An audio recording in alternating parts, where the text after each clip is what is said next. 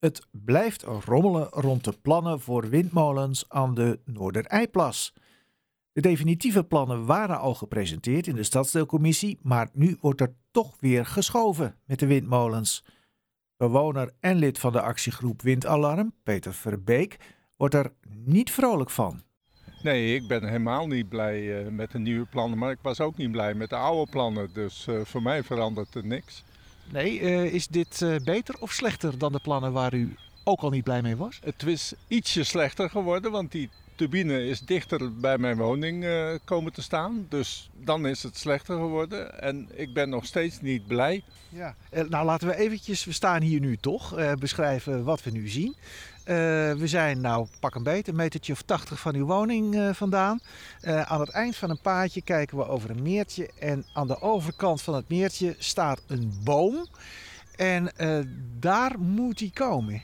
Daar moet hij inderdaad komen. En zoals je kunt zien is er tussen de windturbine die gepland staat en onze woning alleen maar water. Dus het geluid wordt niet gedempt.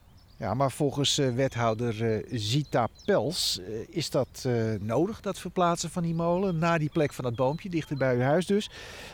omdat er een hoogspanningsverbinding anders in de problemen komt. Kunt u zich iets voorstellen bij haar overwegingen? Nou, wat ik helemaal niet begrijp is, die hoogspanningsleiding die staat hier, wat is het, 30 jaar al. En ze zijn al zeven jaar bezig met windturbines in te plannen hier bij de Noorderijplas. Dat je dan op het allerlaatste moment, als je een vergunning aanvraagt, tot de ontdekking komt dat die te dicht bij de hoogspanningsleiding staat. Dan weet ik niet wat ze de afgelopen jaren allemaal gedaan hebben. U vermoedt niet dat ze hem op het laatste moment misschien toch nog ietsje dichter naar u toe wil schuiven met een argument van ja, het valt allemaal binnen de schuifruimte? Ja, maar ik zou die schuifruimte graag uh, vergroten tot de Noordzee. En dan uh, dat ze hem daar naartoe schuiven. Oké, okay.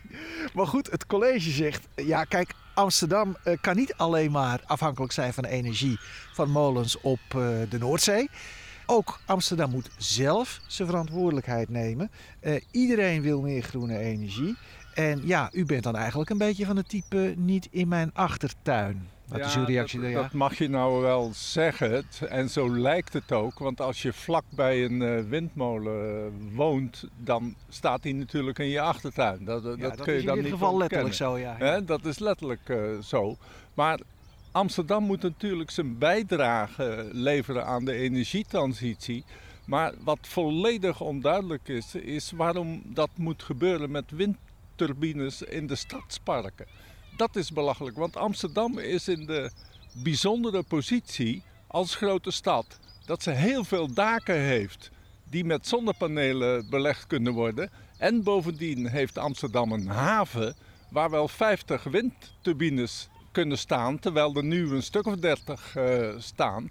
Dus Amsterdam kan zijn bijdrage leveren zonder de mensen lastig te vallen door windturbines in de parken te zetten. Ja, nou toch lijkt er ook een kleine tegemoetkoming te zijn. Hè? Want uh, een van die molens die wordt dan niet uh, eh, 200 meter hoog, maar 150 meter. Uh, verzacht dat uw leed een beetje? Nee, helemaal niet. Dat, oh. dat, dat is gewoon een... maakt niks uit. Die windturbines waren oorspronkelijk 150 meter en toen hebben ze ze 200 meter gemaakt. En dan gaan ze er één weer terugbrengen naar 150 meter. Dus het maakt allemaal niks uit. Maar waarom hadden ze ze dan 200 meter gemaakt? Nou, vanwege de business case. Hè? Een hoge windturbine levert meer energie. En de subsidies voor windenergie worden langzaam afgebouwd. Dus een lagere windturbine krijg je de business case niet meer rond. Nou, dan zou het misschien zo kunnen zijn dat uh, met die uh, ene windmolen van 150 meter u misschien ook nog een klein kansje maakt op een uh, mislukkende business case. Of uh, ziet u dat anders? Ja, wij krijgen geen inzicht in de business case. Dat is jammer. Ja. Ik weet het niet. Nou, dan de politiek. Uh, ja, die molen wordt toch weer een klein stukje verschoven. U zegt zelf al van ja, waar zijn ze eigenlijk mee bezig? Denkt u één van de coalitiepartijen misschien nog los kunnen weken van de rest van de collegepartijen en zich te laten uitspreken tegen deze windmolen waar we nu virtueel tegenaan staan te kijken? Nou, daar is een hele grote politieke aardverschuiving geweest. En de provincie is de vergunningverlener voor deze windturbines. En in de provincie is er heel veel uh, veranderd. En de BBB en de VVD die zijn tegen windturbines en die hebben de meerderheid nu in de, de provinciale staten. Dus uh, we moeten daar uh, aan de gang. U zit op rozen. Hoop ik, hoop ik. Dank u wel.